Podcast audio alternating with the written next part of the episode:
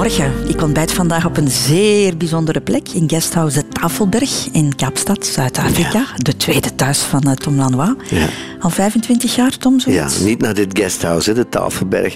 Wij hebben een huis kunnen kopen hier vlakbij, mm. een vijftiental jaar geleden, maar de tien jaar daarvoor hadden we eerst een klein flatje en dan uh, huurden we dingen.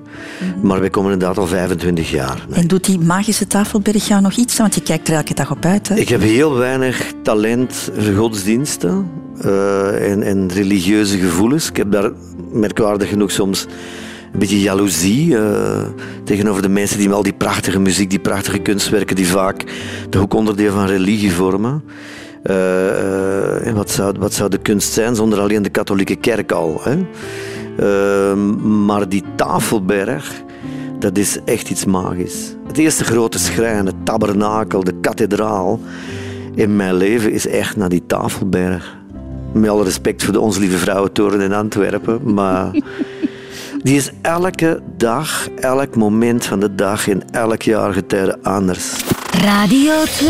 De Rotonde met Christel van Dijk. Tom Lanois, de rotonde van jouw leven. Zullen we ons daar vanochtend eens in verdiepen? Alle afslagen die jij genomen hebt op die rotonde? Het is een bochtenparcours. Is het een bochtenparcours geweest? Ja, vind ik wel. Moeilijk?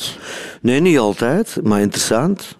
En de reden dat ik hier zit is een van die grote bochten. Over jouw keuze, eh, Tom, voor Zuid-Afrika en voor Kaapstad, daar gaan we het straks nog heel uitgebreid ah, over hebben. Hoe goed ben jij, Tom, in het nemen van beslissingen? Um, er zijn twee soorten beslissingen. Uh, er zijn de professionele. Daar ben ik eigenlijk vrij goed in. Ik ben toch een soort culturele ondernemer. Ik kom uit de middenstand. Dus dat wil zeggen dat ik heel graag onderhandel over contracten met mijn uitgever. Ja? In het persoonlijke leven is dat moeilijker, vind ik. Ik kan, uh, ik kan moeilijk breken als er vriendschappen uh, afgelopen zijn. Uh, ik ben uh, heel vaak aan het twijfelen. en waar twijfel je dan over? Mm, ja, dat is toch echt over, over, over jezelf ook dan wel. Uh, of bijvoorbeeld die, die verhouding tussen leven en werk. Ik ben al workaholic uh, in, in, in de realiteit. Of dat dat dan eigenlijk wel uh, zo tof is voor de mensen rondom mij. Eens je een beslissing genomen hebt, Tom, kijk je er dan op terug? En wik en weeg jij dan van, was het goed wat ik gedaan heb, wat ik besloten dat heb? Dat wel, maar spijt is niet... Schuld vind ik geweldig, hè? maar dat is algemene schuld. Hè? Dus zo, ik ben ik heb het net al gezegd, een culturele katholiek. En schuld is lekker, schuld is een goede drijfveer ook van. Ik werk niet genoeg. Vind ik nog altijd. Omdat ik dan denk aan die ouders van mij in die slagerswinkel. Dus um, daar kan ik wel zo op kijken, maar niet met, niet met spijt. Schuld is nog iets anders dan spijt. Anders, ja. snap je? We gaan twee uur lang terugkijken, Tom. Sommige mensen vinden dat heel confronterend, hè, om ja. terug in het verleden geworpen te worden. Een schrijver heeft dat niet zo natuurlijk, want voor een deel heb ik dat gedaan. Ik heb drie autobiografische boeken, dat zijn de, de, de populairste ook. Dat zegt iets over onze tijd, sprakeloos, kartonnen dozen, een slagersom met een brilletje. Nog altijd verkrijgbaar in de betere boekhandel. Welke boekhandel is dat niet, die mijn boeken heeft? Uh, maar daar, daar doe je dat al natuurlijk. Hè. Ook als je die column schrijft, satire schrijven is ook altijd reflecteren. Dus ik heb daar geen schrik van. Ik heb nog altijd schrik van psychoanalyse dat is iets anders. Maakt jou niet weemoedig, dat verleden? Um, ja, maar dat helpt ook wel natuurlijk. Dat helpt. Weemoedigheid is, als je dat binnen de perken houdt en als dat niet al te deerniswekkend en te pathetisch wordt, is dat goed. Je bent een bekend persoon, Tom Lanois, en dat is genoeg om een Wikipedia-pagina te bezitten. Ja. Daar staat onder meer dit op. Tom Lanois, Sint-Niklaas, 27 augustus 1958, is romancier, dichter, columnist, scenarist en theaterauteur. Hij woont en werkt in Antwerpen en Kaapstad. Dat is een stukje van jouw Wikipedia-pagina die uiteraard veel uitgebreider is, maar er wordt niet veel verteld over jouw jeugdjaren, Tom. En nogthans, jouw boeken zijn daar getuigen van. Uh, daar ligt wel de kiem van de man die jij geworden bent. Ja, absoluut. En vandaar dat Han Koeken dat deel er toch ook in wou hebben en heeft dat gesleuteld aan jouw Wikipedia-pagina. Tom Lanois is geboren te Sint-Niklaas op 27 augustus 1958 als jongste spruit in een gezin van vijf kinderen.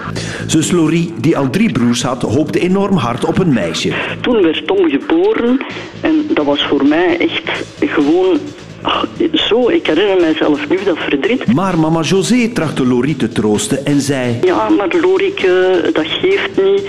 Weet je, we zullen hem af en toe een rokje aandoen. Al leek dit aanvankelijk een magere troost. Toen de kleine Tom met Laurie mee mocht naar school, maakte het verdriet instant plaats voor trots, getuigt Laurie. Op school, eh, natuurlijk, iedereen die wou natuurlijk, hé, oh, leuk ventje en zo klein nog. En dus de, al mijn medeklasgenootjes, eh, die wilden die vastpakken en op een arm pakken. En, en ik natuurlijk kei, kei fier, hè, want dat was wel mijn broertje. Niet enkel op school, maar ook thuis werd Tom als een koningskind behandeld. Schoonzus Miet Meegank ziet nog voor zich dat de kleine Tom uit bad werd gehesen en dan... op de tafel gezet en die werd eh, dus eerst goed afgedroogd. En dan werd hij dus helemaal ingeduffeld met eh, talk. Overal onder de armen, tussen de benen. En zijn nageltjes gedaan van zijn handen en van zijn voetjes. En eh, zijn haartje proper eh, gelegd en hij was klaar. Prins Tom was een vinnig baasje met een eigen karakter en duidelijk veel talenten. Zingen was er eentje van, vertelt zus Laurie. Ik kon ook heel, heel goed zingen van Edith Piaf, Je ne regrette rien. Want dat was het lijflied van mama. Ook fysiek blonk Tom uit, weet Miet. Hij was heel lenig, kon heel goed turnen en heel goed dansen. Multitalent Tom was ook de Alex Agnew avant la lettre. Bij het lezen van een stripverhaal imiteerde hij alle geluidjes luidop, tot grote ergernis van zus Laurie. Jerommeke die eh, met een autootje rijdt, die stopt. Iep, hè, dat autootje stopt. Dus dat kon soms heel irritant zijn. Maar voor Bram Lanois, het 13 jaar jongere neefje van Tom, was nonkel Tom allesbehalve irritant. Want Tom was... was onze favoriete onkel langs vaders kant. Die, ik zeg het, wij noemden hem Oompie. Oompie's grootste talent werd ontdekt in retorica, alwaar hij les had van schrijver Anton van Wilderode, herinnert zus zich. En die heeft hem een paar dingen van Tom gelezen en die heeft hem gezegd, jij moet ermee verder doen. Daar zit iets in. En zo geschiedde. Tom ging verder met schrijven, want hoe hard hij ook danser wou worden, het grootste talent bij Tom zat niet in de voeten, maar wel in de vingers. En de rest is history. Voilà, een stukje jeugd. Ja, hè? mooi. mooi. Ja. Het klopt nog allemaal ook eigenlijk. Allemaal vol lof. Behalve die ene teleurstelling. Je had een meisje moeten zijn, Tom. Ja, zoals je hoort, het was snel over. Ik was de, de, by far dan de jongste van vijf. Dus ik scheelde met mijn zus vijf jaar, met de daarop voorgaande broer, die jong gestorven is, Guy. eh, negen jaar. En dus het- ik was echt eh, Het de kakkenest en de prins. Absoluut, zo heb ik me altijd gevoeld. Ondertussen het raam even opengezet, Tom. Ja. Want het is hier zeer warm. Ja, dus, eh, zeker nu jullie hier zijn. Hè. Als Ja. Radio 2 hier is, dan, Dan- stijgt de temperatuur nog met spat 10 de warmte graden. Ja. We gaan het over de allereerste afslag hebben, Tom Lanois, in het leven. Dat is geboren worden.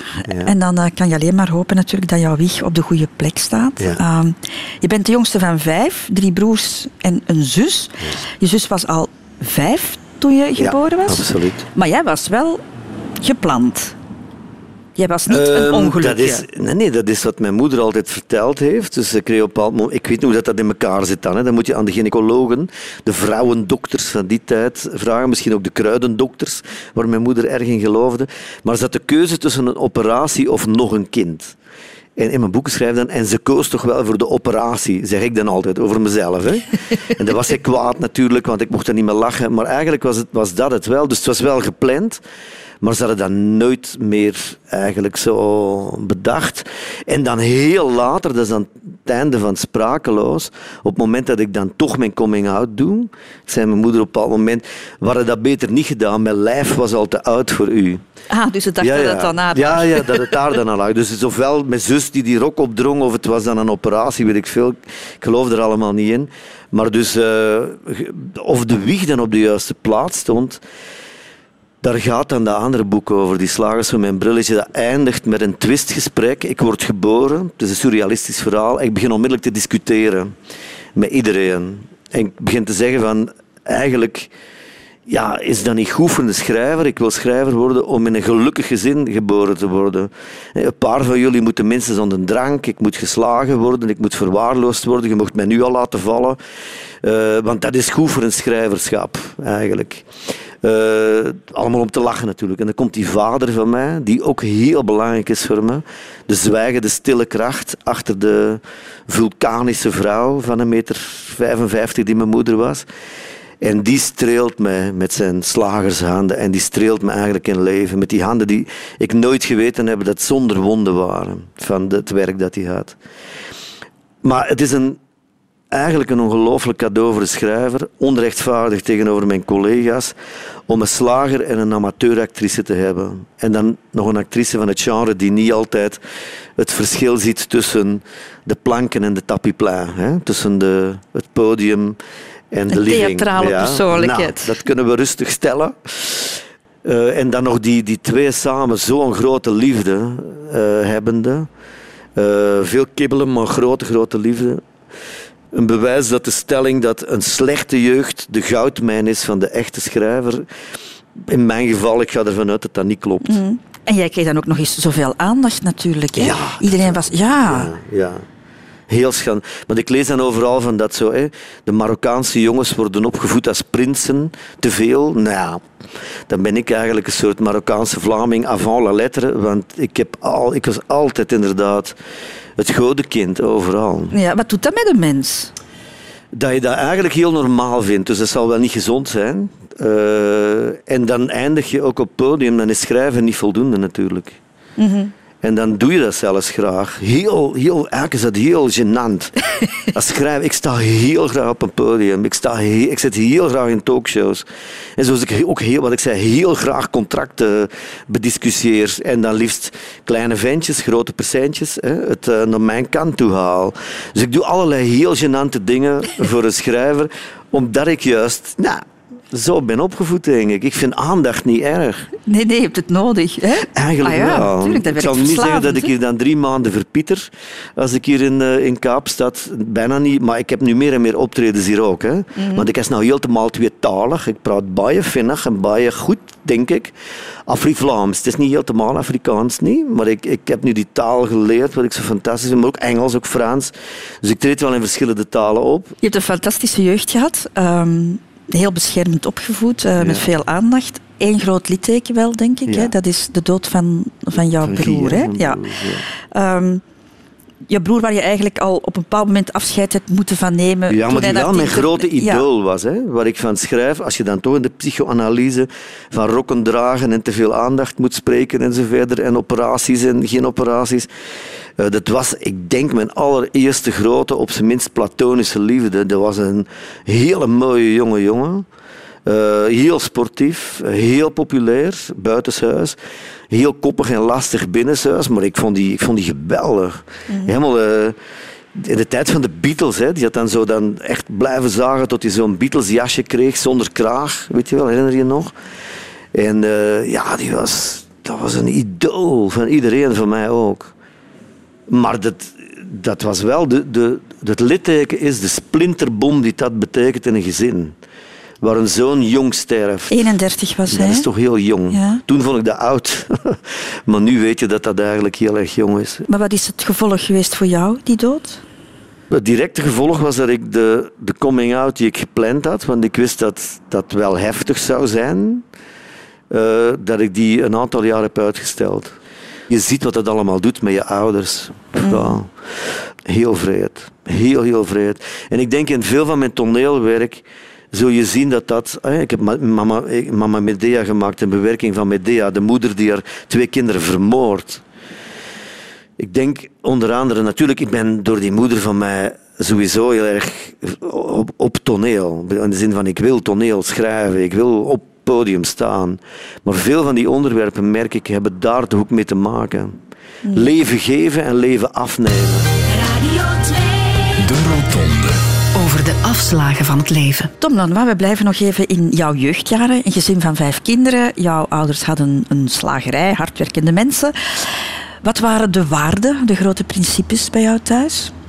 Wel, Waar ik mijn moeder eeuwig dankbaar voor zal zijn, zonder mijn vader eh, iets eh, te miskennen, is dat kunst echt absoluut mee van belang was. Dankzij dat amateurtoneel. Je moest alleen geen kunstenaar worden, want dat was natuurlijk een liederlijk bestaan, maar er was toch een grote jaloezie daartegenover. En dus taal en toneel en... eh, niet te veel strips lezen, geen televisie, was het toen nog echt het devies. eh, want dan, dan wordt er te weinig gelezen. Dus ik heb heel veel gelezen en dat werd aangemoedigd. Dat vind ik heel belangrijk. Dan hard werken. En dat wil niet alleen zeggen mee worst vullen en afwassen. Ik heb me genoeg voor mijn leven afgewassen. Ik haat afwassen, omdat ik het zoveel toen gedaan heb. Nee, dat was via mijn moeder. Feministe die zei dat ze geen feministe was maar dat wel was. Wij moesten allemaal alle huishoudelijke taken. Ik kan strijken, ik kan, niet dat ik het vaak doe, maar ik kan strijken, dweilen. We moesten onze berren opmaken, dat was allemaal. En we moesten helpen in de winkel. Dus niet alleen dat werk doen, maar je moest ook, zoals het in kleine winkels is, iedereen die uit de middenstand komt zal dit herkennen. Je moest ook vriendelijk zijn tegen de mensen, eh, eh, dienstbaar zijn. eh. En heb je nooit moest- gerebelleerd? Eh, veel te weinig, vind ik. Toch natuurlijk wel, maar niet dat eigenlijk vond ik dan nog. Kijk, ik hou zo van toneel eigenlijk dat als je het. Voor mij is alles toneel. Hè. In de winkel was ook, zonder dat men het zo bedoeld had, de sociale instelling.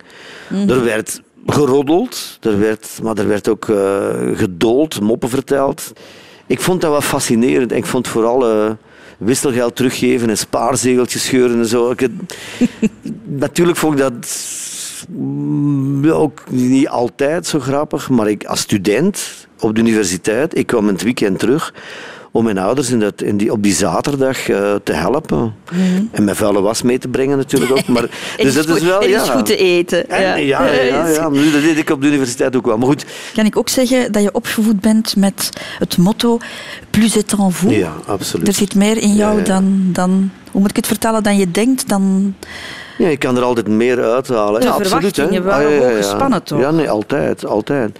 Met allemaal van die, van die tegelwijsheden. Hè. Zo, eh bond zonder naam spreuken, zonder die al voor de bond zonder naam bestonden. Hè. Eerst de taak en dan het vermaak. Een kermis is een geesteling waard. Hè. dat soort, ja, nee, al dat soort zaken. En, en dat raak je niet meer kwijt. Wil die ook niet kwijt. Ik weet waar ik vandaan kom en ik blijf die basis altijd Mm. eren en gebruiken. Hoe heeft de opvoeding die je gekregen hebt jou bepaald in, in, in jouw werk? Nooit goed genoeg, ook niet Dat voor jezelf? Ja, ja. Perfectionisme.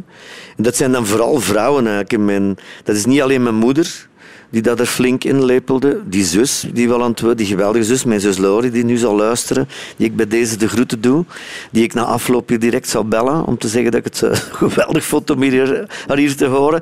Eh, die, die heeft mij, ook op de universiteit eigenlijk, zij was een zeer goede student. Hè.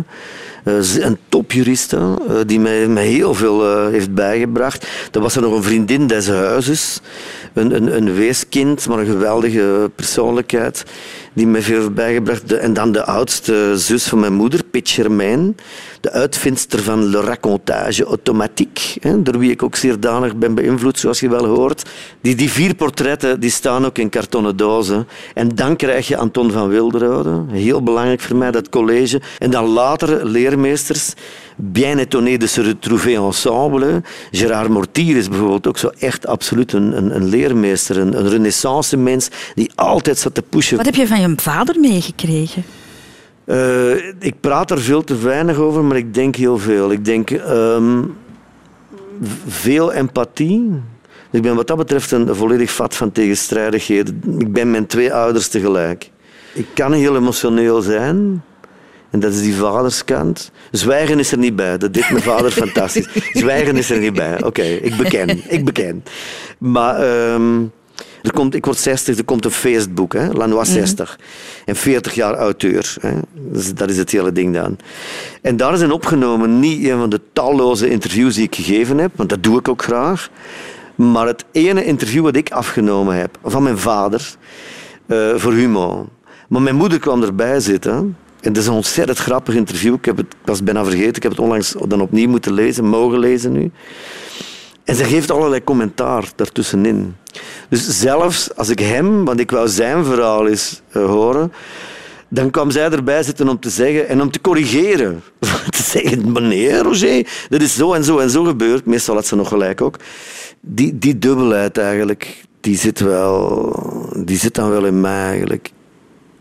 Ik hoop dat ik veel van mijn vader ook heb. Maar ik denk toch dat de, de ook. overheerst. Ik denk het ook.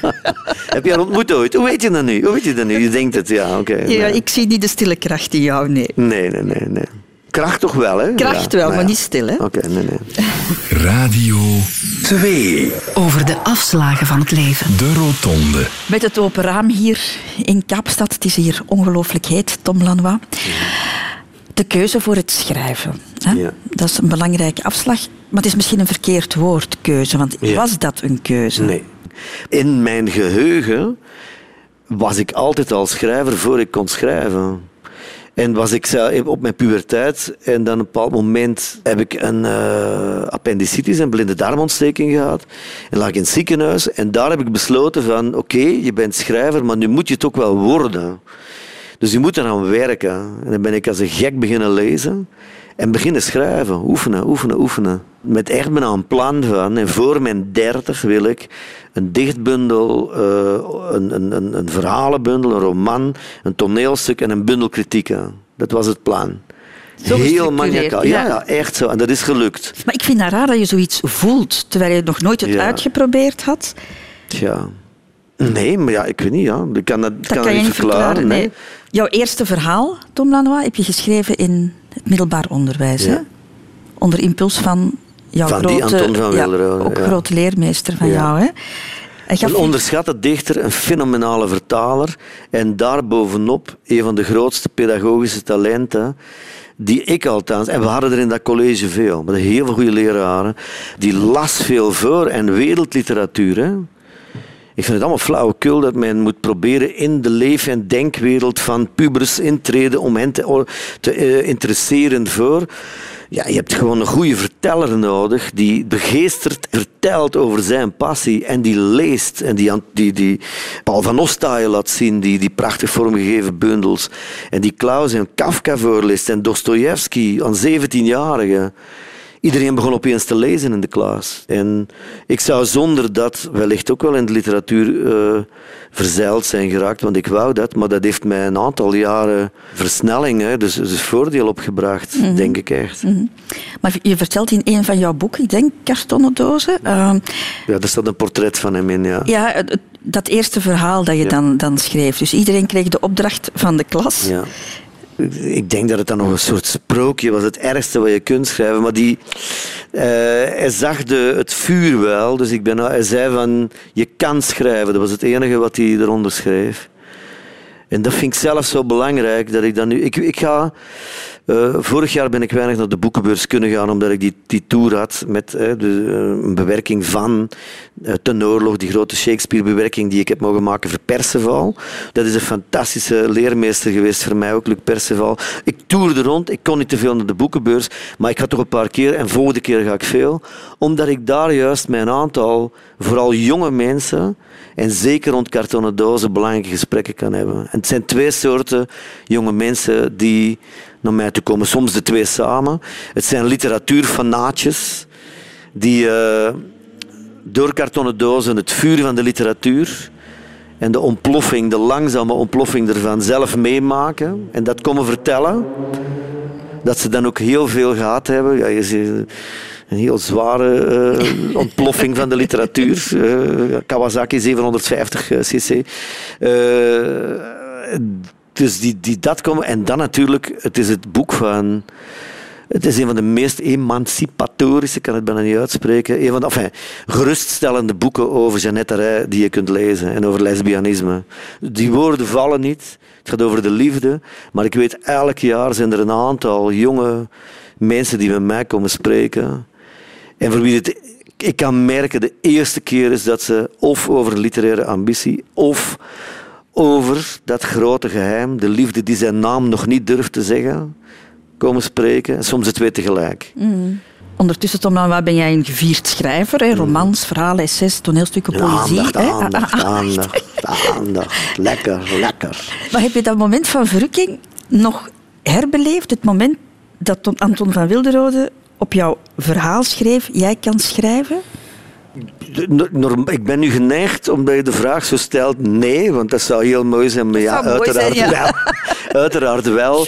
Omdat dan natuurlijk die grote acteurs en regisseurs en dan, als dan die eerste de eerste lezing, meestal is het dat, het ritueel van de eerste lezing. Iedereen is daar. We hebben zitten werken aan die teksten, dramaturg, regisseur, uh, soms en zo. Maar dan de allereerste keer wordt dat gelezen. Ja, dat is, dat is die verrukking nog altijd. In, in, eh, in heel veel van die momenten. Een nieuw boek, wat eindelijk toekomt.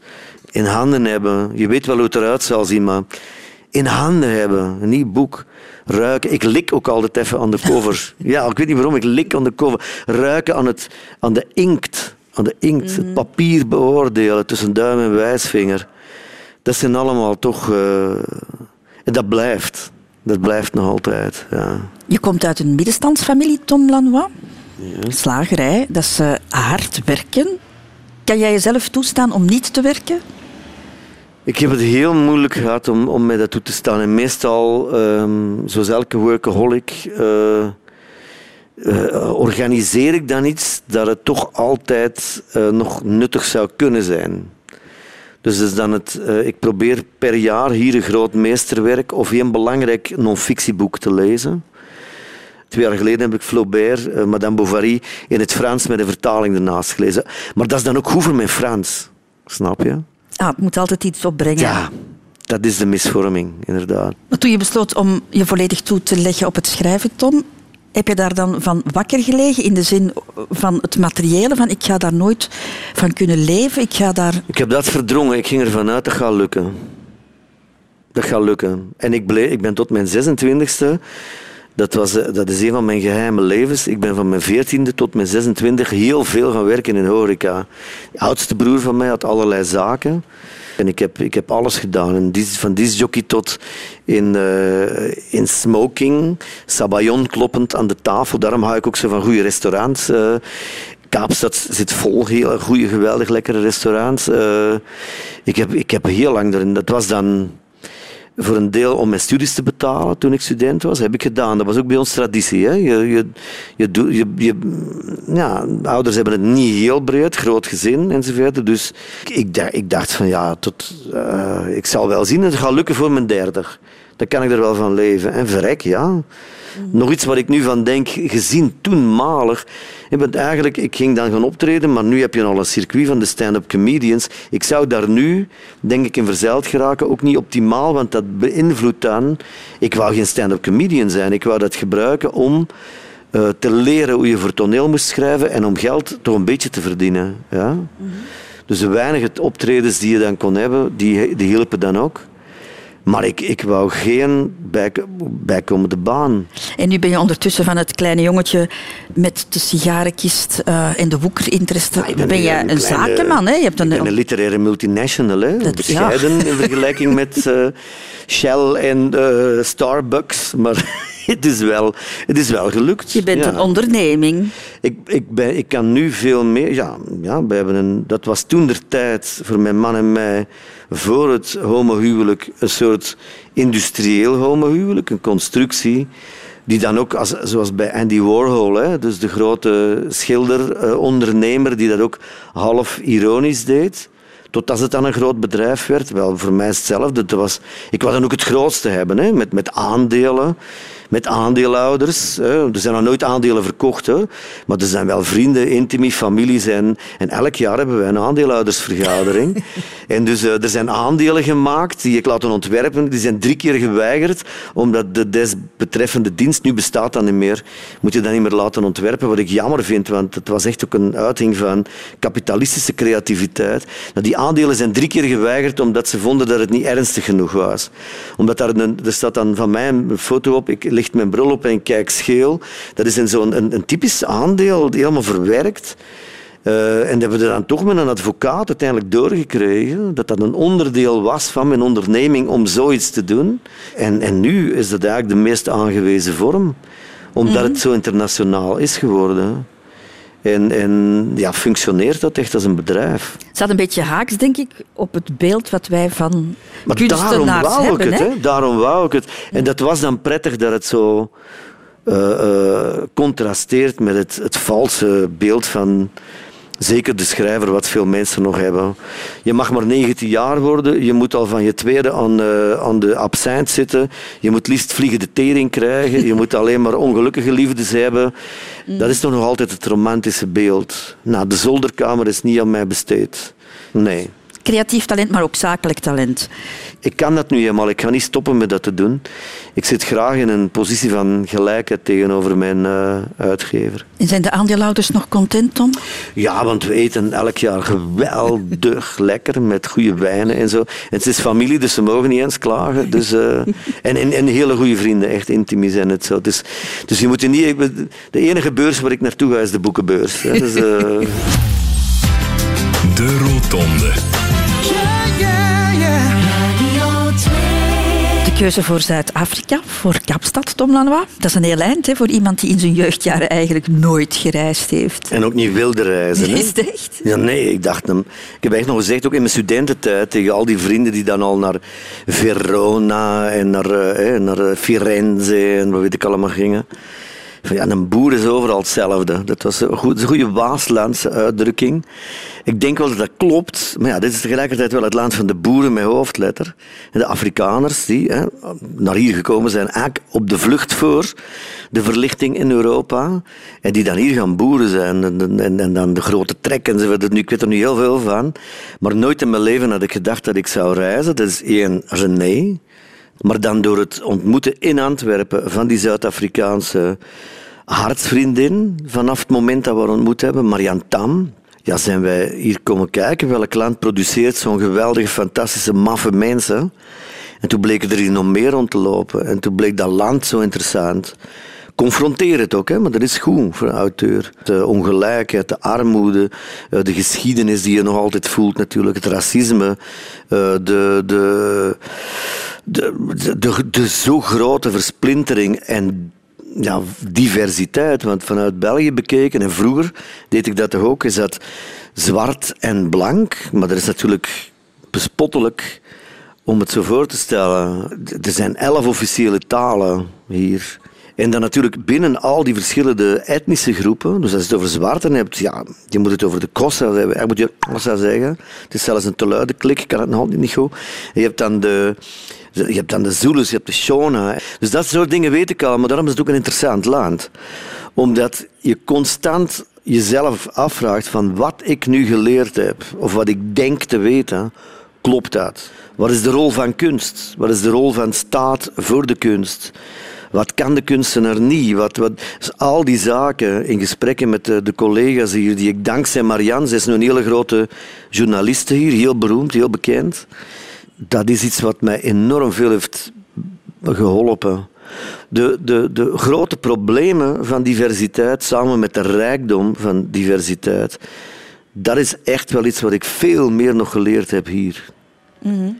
En dan misschien toch, als je over Mandela mag spreken, die moeilijke, maar noodzakelijke kracht van verzoening. Ik die altijd vroeger zo hè, toch de controverse opzocht en dat soms nog doe. Ik vind dat ook niet slecht. Maar dus de, de, mijn respect voor iemand als Mandela, de politicus Mandela, niet het icoon wat ze ervan gemaakt hebben. Ook de afstand. Omdat als je van hieruit kijkt naar Europa, naar België, naar Antwerpen en naar het Waasland, dat is door de afstand anders. En je leest andere dingen, je hebt lichtjes andere discussies hier. Andere invalshoeken, andere info. En dat helpt eigenlijk allemaal wel. Heeft dat land jou dan milder gemaakt? Kan je dat dan zeggen? Um, hmm, ik ontplof nog altijd op bepaalde momenten. Maar ik heb wel geleerd om beter te discussiëren. Dat was een heel groot... Ik weet niet waarom, maar ook bij ons thuis... Er was geen grote discussiecultuur. Wel een grote met de vuist op tafel kloppen en uh, argumenten uh, erin drammen, cultuur, maar dat is niet echt een dialoog. Ik vind dat dat vaak in Vlaanderen, en ik pleit schuldig, misschien ben ik dan de enige, maar ik maak me sterk dat in Vlaanderen dat de discussiecultuur niet helemaal, nog altijd niet op hetzelfde niveau is. Bijvoorbeeld in Groot-Brittannië, Frankrijk, Nederland, mm. Duitsland. Je bent toch ook ooit, mag ik het zo zeggen, een beetje een roeper geweest, hè, Tom? Ja, die de altijd, dat wil ik wel, ja. ik bedoel, je had dat van op de middelbare school. Hè. Wat voor onzinnige enquêtes heb jij daar niet georganiseerd? Welke dan? Over de doodstraf? Dat weet ik nog. Van, nee, dat is toch over, geen over de drankautomaat en over een fietsenstalling die, die, die moest verplaatst worden. Dat, dat was toch een beetje... Dat is toch goed?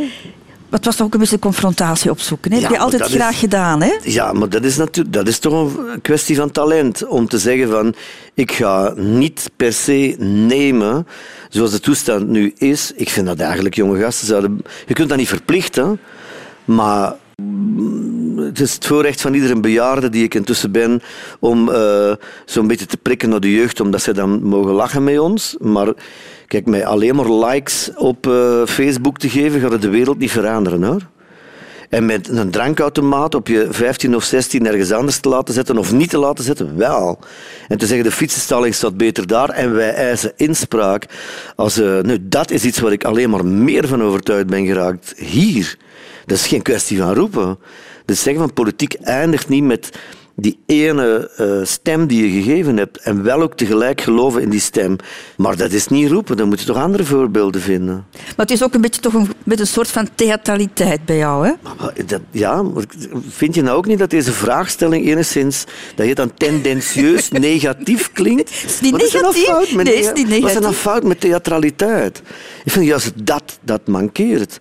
Hadden we maar een aantal bijvoorbeeld politici die even bevlogen konden spreken als dat Mandela of Schulz, die, die Duitser, nou, dat is misschien zijn enige kwaliteit. Paul van Grembergen, geweldige speecher, voor de vuist weg. Nou, die mensen hebben mijn hart. Dus ik ben dan toch het soort mens die, en ook zelfs al ben ik schrijver, die denkt, dat zou ik ooit willen doen. En niet van, hoe, toch geen theatraliteit. We gaan toch niet op de verpakking letten, we moeten wat. Nee, als je, uh, als je kunt schrijven, schrijf een belangrijk stuk. En als je kunt spreken, spreek het uit op een manier die extra aankomt. Je hebt ooit een stap gezet naar de politiek, hè? Nee, ik heb op een lijst gestaan nog eens aan met, met aankondiging, wat ik nu niet meer zou doen. Uh, bedoel, ofwel moet je helemaal gaan, ofwel niet. Er was lijstduur voor Agile 2000. voor ja, de Groenen in het district Antwerpen, om te steunen, vooral op dat moment. Uh, ik heb nog heel veel geleerd. Onder andere respect voor de politici die het goed kunnen. En hoe moeilijk het is allemaal. Maar ik heb ook geleerd dat ik, denk ik, uh, want politiek, wat ik zei, eindigt niet bij of het geven van een stem of het zijn van politicus en het voeren van een beleid. Als burger heb je die rol. Al ging het om een verplaatsing van een drankautomaat. Bemoei je, laat je horen, inderdaad. Ik denk dat ik een minder goede politicus zou zijn dan ik nu ben als commentator en als schrijver. Dat is een heel specifieke rol, maar ik beschouw dat als een onderdeel van politiek. Hè. En ik denk dat ik als schrijver ook van romans. Een roman is iets heel bijzonders.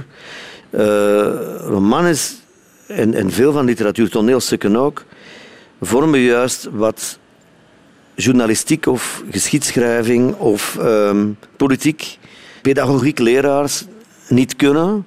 Dat is dat allemaal samenbrengen.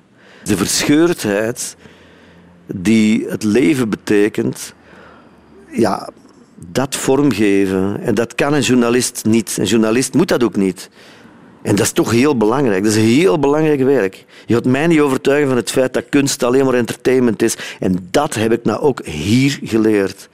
Hier vraagt nooit iemand aan een schrijver: ja, ja maar waarom, waarom schrijf jij ook over politiek? Iedereen is tegelijkertijd met kunst en politiek bezig en dat loopt in elkaar over.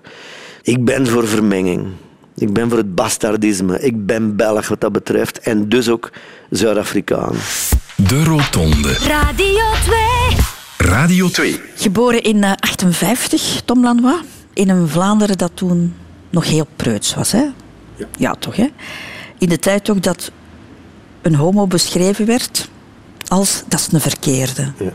Bij jullie ook? Ja, ja, absoluut. Kleine stad, hè? Sint-Niklaas en degenen die er waren, waren vaak de, altijd sowieso zielig. Hadden een café, deden dan aan, uh, aan travestie natuurlijk. En dat was dan lachen. En dat waren dan de enige rolmodellen modellen die die arme ouders van, van eh, uit de kast komende homo's hadden. Dus er is heel veel veranderd. Iedereen is nu voor het homohuwelijk. Dat was zelfs, eh, pas op, dat is twintig jaar, hè, maar geleden, dat, dat René en ik het samenleefcontract gedaan hebben. Wat er toen allemaal nog gezegd en gedaan werd door leidinggevende politici, ook aan de linkse kant. Hè. Maar in die tijd, eh, Tom, in dat Vlaanderen moest jij naar buiten komen. Moest jij, hè? Je was 27 Ja. toen je Dus het het was natuurlijk, dat is, ja, toen had je toch al behoorlijk wat, wat eh, homobewegingen gehad. En zeker in Nederland kreeg je dan Robert Long, die had shows en die kwamen dan op tv. En je kreeg dan eh, Albert Mol, die ik toen verschrikkelijk vond, maar nu heel leuk vond. Ik vond die verschrikkelijk omdat dat weer zo'n alleen maar het, de karikatuur in mijn ogen van de verwijfde nicht was. Eh, terwijl dat die gast is zo. Nu vind ik dat echt een. eh, dat, en dat je, wie heel belangrijk was, was eh, Jos Brink. Ik denk dat. ik heb natuurlijk mijn best ook gedaan met dat samenleefcontract met René. Met dan een boek als Kartonnen Dozen. Maar eigenlijk zijn het zo die. Eh, ja, iemand als Jos Brink, in Nederland Jos Brink, dat is toch wel heel belangrijk eh, geweest. En ik denk bij ons toch ook wel, ja, een aantal me- Jo Dua was bijvoorbeeld iemand eh, die een van de eerste in, in dat tv-programma is nou, uit de kast is gekomen, samen met Wil de zanger met Wil Ferdi. Dat was in hetzelfde programma. Dus er waren wel al eigenlijk zaken aan het veranderen. Ik kan niet zeggen dat ik het dan zo moeilijk had gehad. Het was voor mij persoonlijk wel. Mijn ouders waren allebei de jongste uit de gezin. Dus hun rolmodellen, behalve wat zij in hun jeugd gezien hadden, kwamen eigenlijk ook van heel oude ouders af. Mhm. Maar je moest het hen gaan vertellen. Op een bepaald moment moet je die stap wel, wel zetten. Had je dat voorbereid? Ja, heel erg. Dat staat helemaal in sprakeloos, absoluut. Omdat ik wist dat ik mijn moeder moest op een strategische manier het dan, in de hoek zetten. Dat, allee, dus dat, dat ze niet groot schandaal kon maken. Dat medium was er dan bij, waar ze zoveel bewondering voor had. En andere familie en vrienden enzovoort. Dus dat had ik goed gezien. Maar dan kwam de telefoon natuurlijk een paar dagen later. En het was ook vlak voor ze met pensioen gingen. En dan hadden ze iets om handen, had ik mij bedacht. Hè, zo. En dan... eh, en ik was toen sterk genoeg ook wel om te zien dat de, de enorme uitbarsting veel meer een uiting van angst was. Van ja, wat gaat er dan gebeuren met ons kind? Want ze hadden alleen de ellendige dingen ervan gezien in hun jeugd en de angsten er rond. Eh, en ook toch bij mijn moeder zeker van kwaadheid dat ik het zo laat zei en dat ze er niks meer aan kon doen. Hè? En dat ze het zelf niet had gezien en het er eh, niet uit had kunnen praten. Slaan nooit, maar dus... eh, maar dat is later allemaal... Ik ben eigenlijk zo trots op mijn ouders. Die zijn allebei... Dat heeft zijn tijd nodig. En als ik een raad mag geven aan... Mochten er al nog homo's zijn die in de kast zitten... En is het er nog altijd, hoor. Er zijn er nog altijd. Zoek niet te snel de breuk op. Dat zeg ik nou als iemand die, die wel controversieel durft zijn en die de roeper durft zijn af en toe. Maar dit- zijn persoonlijke zaken. Gun ook mensen eh, de kans om, ja, om, om iets te verwerken en om een stap te zetten. Dat hebben mijn ouders wel echt fantastisch gedaan. Ja, de- En Tegen dat we dat samenleefcontract deden. En dat zij ook, hè, eh, want het was 96. Hè. Mijn ouders kregen ook eh, dreig- en eh scheldtelefoons. Hè. En van als dat gebeurde, veranderde mijn moeder natuurlijk in de mokkende moeder eerst. Van, moet jij niet weer de eerste zijn? En ik van, ja, maar je hebt nog altijd gezegd dat ik mijn best moet doen en dat ik beter een, voortrekkersrol kan spelen. Ja, maar toch niet in zoiets. En dan, dat soort discussie hadden we nog. Na de eerste telefoon. En als ik zei, ik krijg er ook zo. Ja, was het het... eh, de leeuwin die eh, een jong bedreigd ziet. En toen, eigenlijk zijn mijn ouders bijna dan daar allebei activistisch geworden.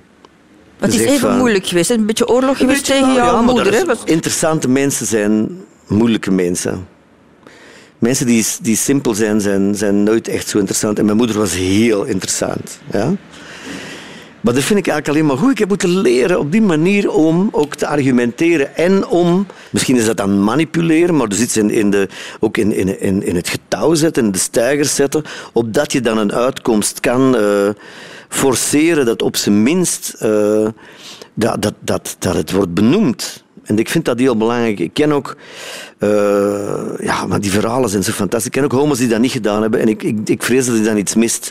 Dat als je ouders dan wegvallen, dat je daar later spijt van gaat hebben. Het is een moeilijk gesprek. Het is een Zuid-Afrikaanse joke trouwens. Hè. Wat is het verschil tussen zwart zijn en homo zijn?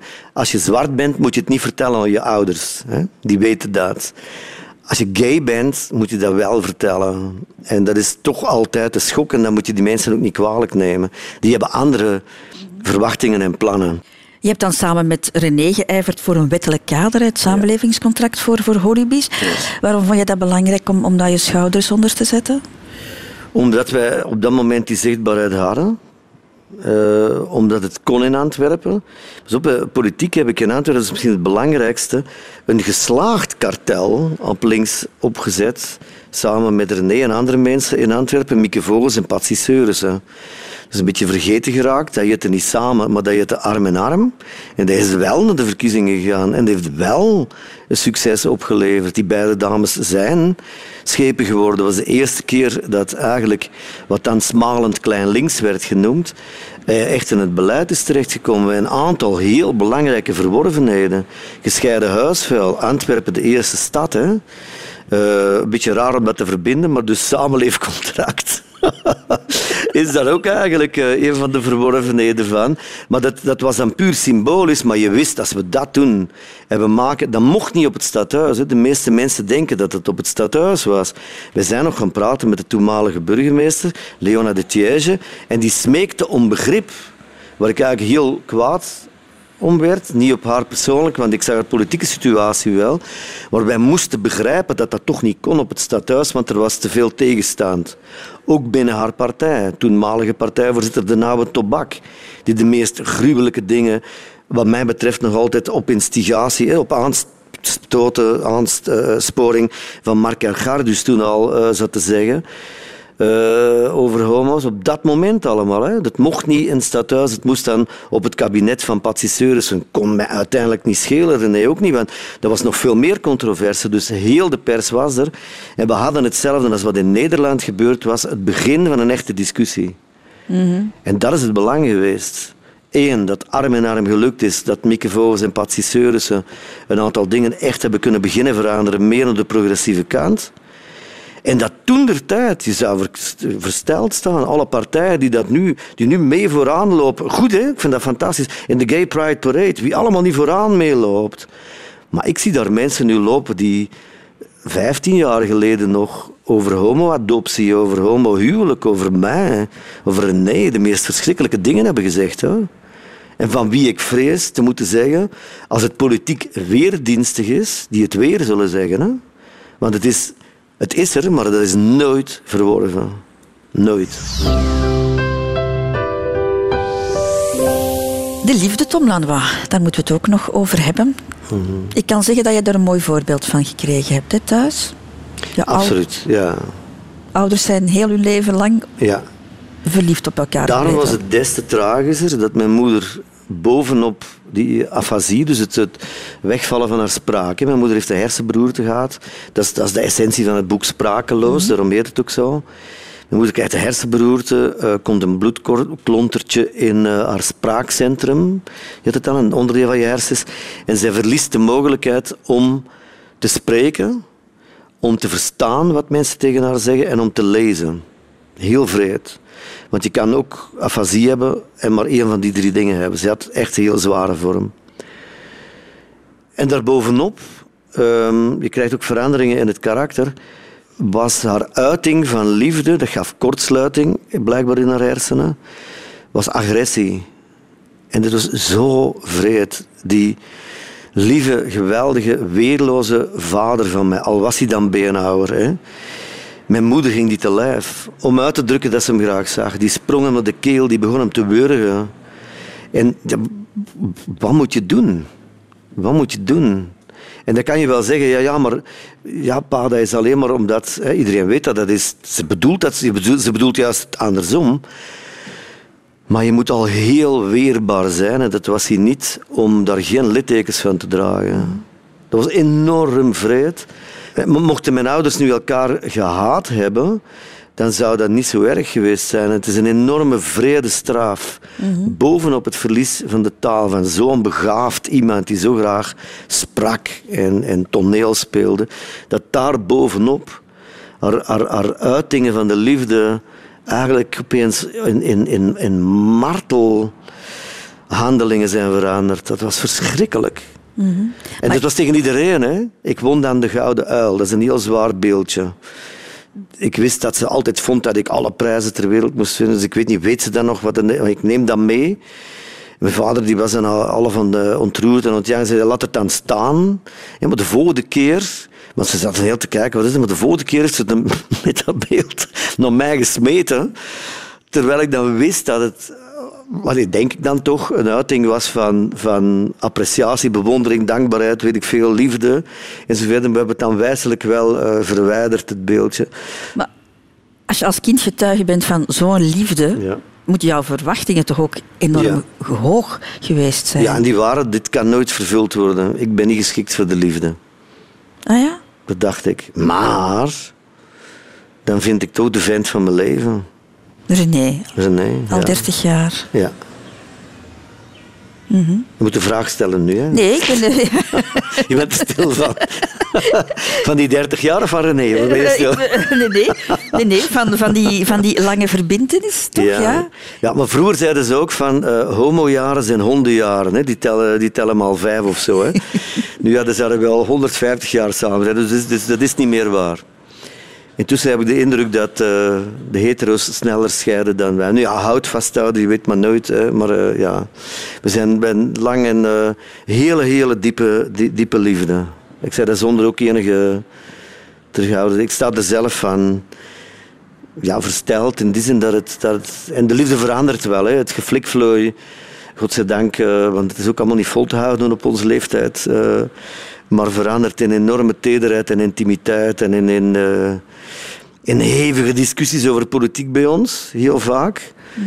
Eh, terugkerende discussies, waar we op voorhand al weten dat we er weer niet uit zullen geraken. Over de meest onnozele dingen eigenlijk, eh, die toch van belang zijn. Van, van Uber tot de pedagogische tik. Eh, dat zijn zo onze... En alles daartussen. Maar Eh, is dat de, de vorm van relatie waarin jij het beste voelt? Een, een, maar ik, een ken geen, ik, ken, ik heb wel andere. Ik, ik, ben, ik ben lang ik ben verloofd geweest hè, eh, met, met een fantastische vrouw. Die ik voordat we begonnen te vrijen zei: ik, denk, ik weet wel zeker dat ik voor de mannen ben. En die zei: Ja, dat maakt niet uit. Dat, hè, dat zal wel, we zullen dat dan wel zien. Met wie ik een fantastische relatie had. Maar dat was niet spannend zoals ik dat, zoals ik dat met mannen had. Dus dan moet je op een bepaald moment. En het was best pijnlijk. En, en dat heeft te lang geduurd. En ik heb nog altijd enorme. Als ik ze zie, af en toe zie ik ze nog. Dus eh, ja, dat is echt. eh, Dus ik heb zelden gebroken met, met, met goede vrienden. En, en met, met, met lovers. Ik heb. eh, Mijn lover voor een nee speelt mee in Sprakeloze film. Dat was fantastisch. En die zien we nog heel veel. Dat is een hele goede vriend gebleven, eigenlijk. Dus in die zin ben ik wel trouw. Maar dus de, de, de relatie met René is wel... Dat had ik nooit, nooit gedacht. Dat dat, dat, dat komt. Dat, allee, ook dat... Ik zal het nu cru zeggen, iemand zot genoeg was om met mij samen te leven, eigenlijk. eh. maar dat is niet simpel. Iemand die zo maniacaal met zijn kunst bezig is. Ja, René heeft ook wel wat zijn afwijkingen, zal ik maar zeggen. Dus eh, ja. Dus kan je nu niet helemaal eh, de, de, de, de, wat, de, de, de, de circushond uithangen, maar nee. En, en maak jij een onderscheid tussen emotionele trouw en fysieke trouw, Tom? Nee. Allee, ja, fysieke is- trouw. Dus je bedoelt eigenlijk, hè, laten we, je bedoelt eigenlijk seksuele trouw. Hè? Dat is wat je bedoelt. Als fysieke trouw zou willen zeggen, ik zou heel ongerust en ambetant en eh, jaloers worden mocht er nee eh, om de twee weken met, met een ander iemand en telkens dezelfde naar de opera, de film, eh, zeker als het voetbal moest zijn, gaan. Dan zou ik wel... eh, Dat zou pas verdacht zijn. dat zou ik ongelooflijk vinden. Als René zegt van ja, ik ga eens eh, toch nog even naar de sauna toe, dan pff, I don't care. Eigenlijk. Ik denk dat dat voor heel veel koppels heel goed En het, het merkwaardige is, maar ik wil geen zedenmeester van de onzedelijkheid eh, worden, maar als die spanning eraf haalt, dan is het ook iets wat veel minder gebeurt. Eh, die seks. En seks, allee, ja, ik word 60. Ik kan u niet zeggen dat er, dat er geen seksuele kanten zijn aan je 60ste, maar dat is toch niet meer zoals 16, hè? Lees, lees kartonnen doos, daar staat een masturbatieregister in. Amai. Dus dat is... eh, Wat was jouw maximum? ja, ik weet het al niet meer, ik heb het verdrongen Ik denk, alleszins. denk ja, acht, dus, eh, acht per dag of zoiets. Of zoiets. Acht keer. ja, het was niet per uur alleszins, maar goed, ja, dat is niet per uur. Maar, dus, nee, dat, dat, dat, ehm, maar dat moet iedereen voor zichzelf besluiten. Maar seksuele trouw is iets waar ik denk dat... Allee, ja, ik kan toch in een spiegel kijken. De meeste mensen kunnen in een spiegel kijken. Waarom zou je volstrekte, volslagen, erotische trouw eisen van iemand die je heel graag ziet? Dat is toch een... een vind dat een, eigenlijk vind ik dat een, een raar fenomeen. Eh, mentale, emotionele trouw, dat wil, dat wil zeggen er zijn op de belangrijke momenten. In goede en in kwade dagen.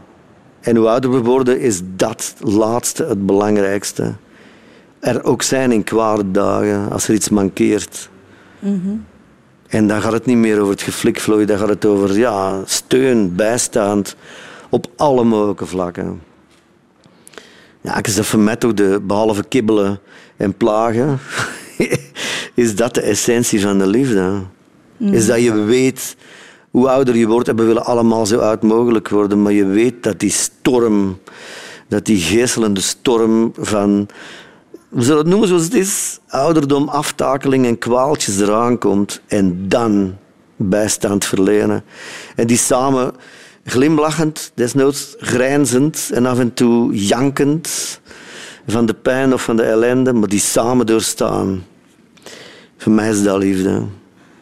Ik zou het nooit gezegd hebben, mocht ik 16 zijn, hè, want dat klinkt allemaal... Dat is, dat is, daar denk je dan niet aan. Maar uiteindelijk is dat toch wat het wordt. En wat het moet zijn. Vind je liefde mooier worden met ouder worden? Maar eigenlijk vind ik van wel. Omdat het minder en minder evident wordt. Omdat, ja... Ja, omdat het... Je kunt gewoon veel minder makkelijk ja zeggen op dingen. Een wereldreis. Ja, ik begin nu onmiddellijk te denken van... Ja, maar toch niet meer in een tent voor de helft van de tijd. Wat ik in Portugal, onze eerste reis, voor lief heb genomen. Ik ben niet zo'n tentmens. Dat zou ik nu direct ontdenken. Dan wil je toch... Ik wil plannen op voorhand.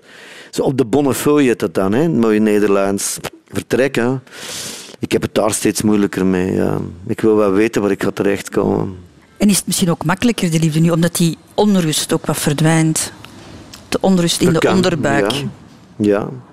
Ik hoor daar ook een, een, eh, een, een zelfreflectie in. Maar, eh, We zijn al lang aan het praten. Hè? Misschien heb je, moet je naar de wc ook. Of zo Nee, nee, ja, maar het klopt wel. Nee, maar het klopt wel. Ik zie het helemaal voor me. Nee, nee, het is echt waar. Radio Radio 2. Over de afslagen van het leven. De Rotonde. De dood, Tom Lanois, dat is de allerlaatste afslag die jij ook zal moeten nemen. Ja. Je wordt er 60 dit jaar, dus ehm, het einde is dichterbij Ja. dan, dan het begin. Hè? Enfin, dan maken we ons toch wijs, hè? want je kan, je kan op je twaalfde ook in een zwembad zonder water duiken, denkend van eh, er is voldoende vloeistof in en je nek breken. Dus, maar het, het wordt concreter wel. Je Ja. kan de illusie van de onsterfelijkheid iets makkelijker in stand houden als je jong bent. Dat klopt. Ben je daar al mee bezig? Heb je al dingen geregeld Wel ja, dat gebied? Schertsenderwijs, ik wil dus inderdaad in het schoonselhof, ik wil niet verstrooid worden. Vind ik zo slordig, eerlijk gezegd. Eh, ik wil een graf, vind ik lekker theatraal. En ik wil, als het enigszins mogelijk is en we de toestemming krijgen en de concessie daarvoor, dat dat of een, eh, een jukebox of een, eh, of een flipperkast mag zijn. En dat, dat- maar dat, dat kan nu klinken alsof het... Maar ik meen dat voor een deel toch ook wel. Ik meen dat ook wel. Maar en je begint wel te denken aan, we moeten toch eens een testament maken. We hebben een provisorisch testament gemaakt. Zeker nu omdat we vaak samen reizen. Vroeger vlogen we eh, naar hier en terug vaak eh, afzonderlijk. Al er René eerder kwam en, en zo. Ehm, nu is het veel ook plezant. Dat is ook een kwestie van ouder worden. Het is plezanter om eh, samen te vliegen eigenlijk. En daar denk je wel aan. Ja. Ik was 60, dat zijn de dingen waar ik wel aan denk. Na de dood van eh, Hugo Claus ben ik ook wel echt die papieren gaan invullen. Van ik moet ze denk ik gaan vernieuwen, want je moet dat om de drie jaar dan doen. Het is goed dat dat we je- erover beginnen dan. Ja, maar ja, ja ik moet het, dat, zie je wel. Ik vind dat een beetje vervelend dat je dat om de drie jaar moet doen.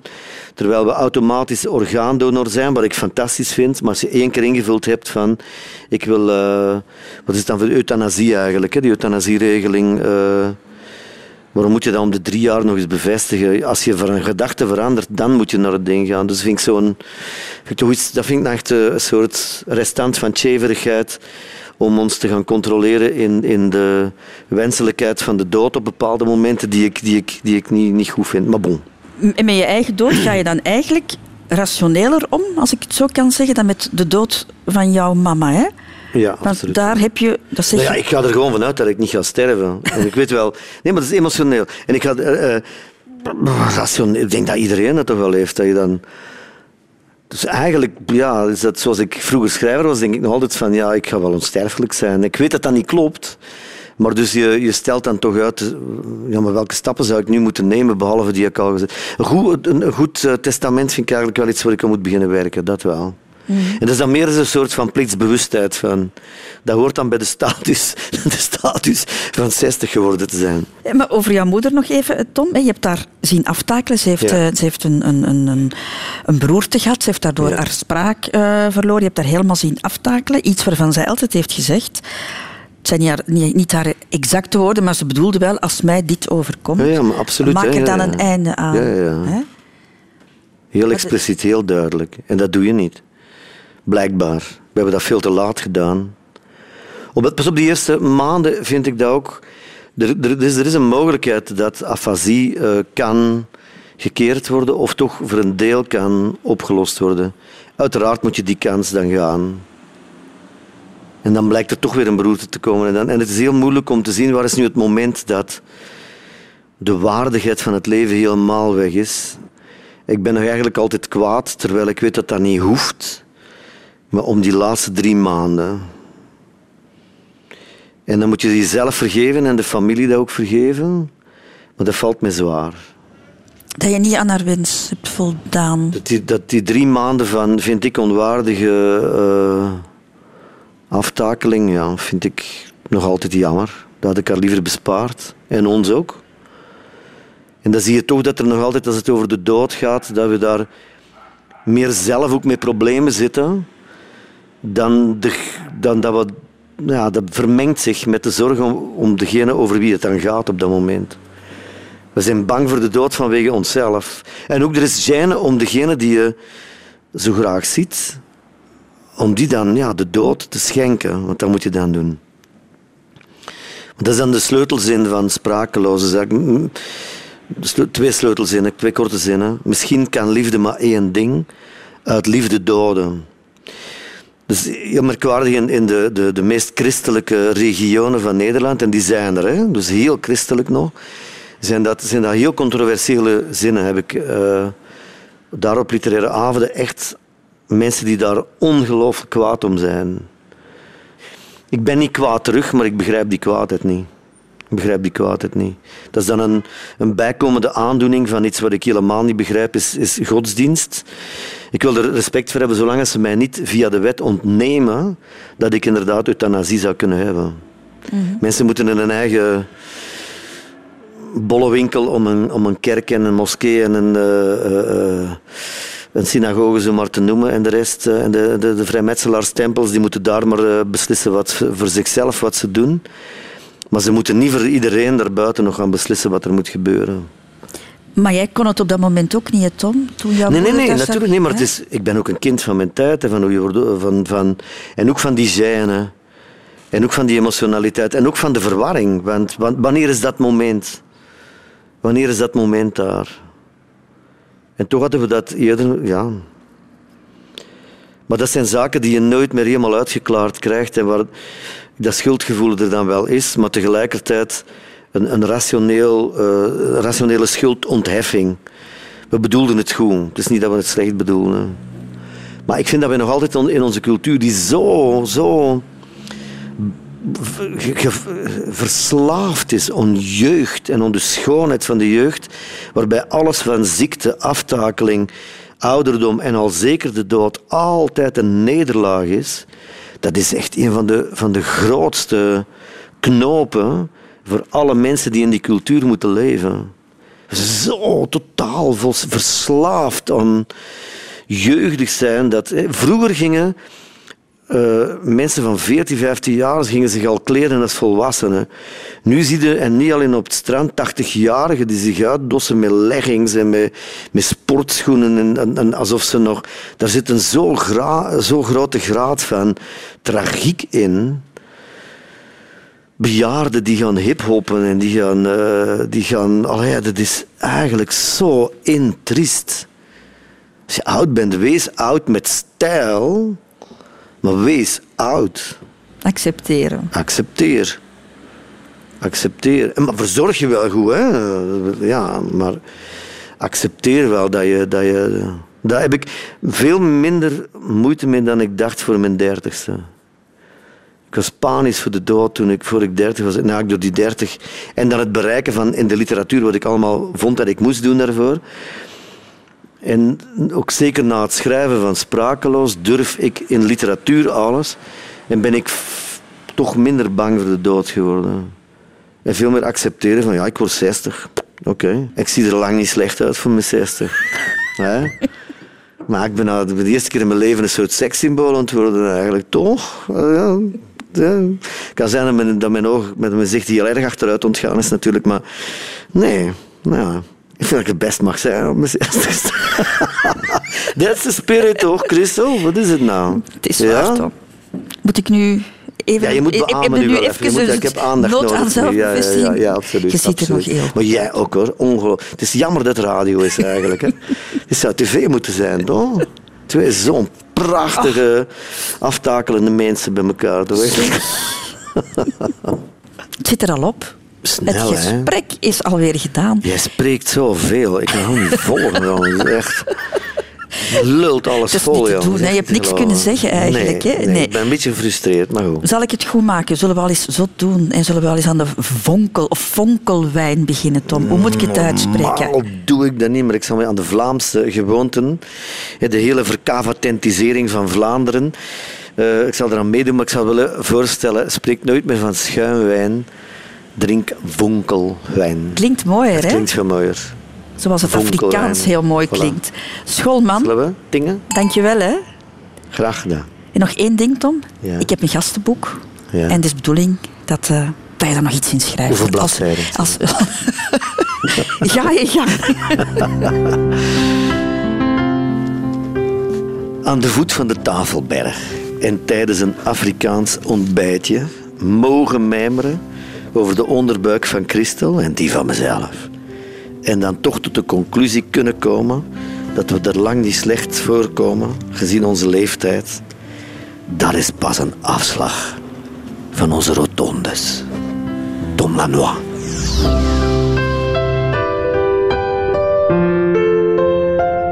Radio 2.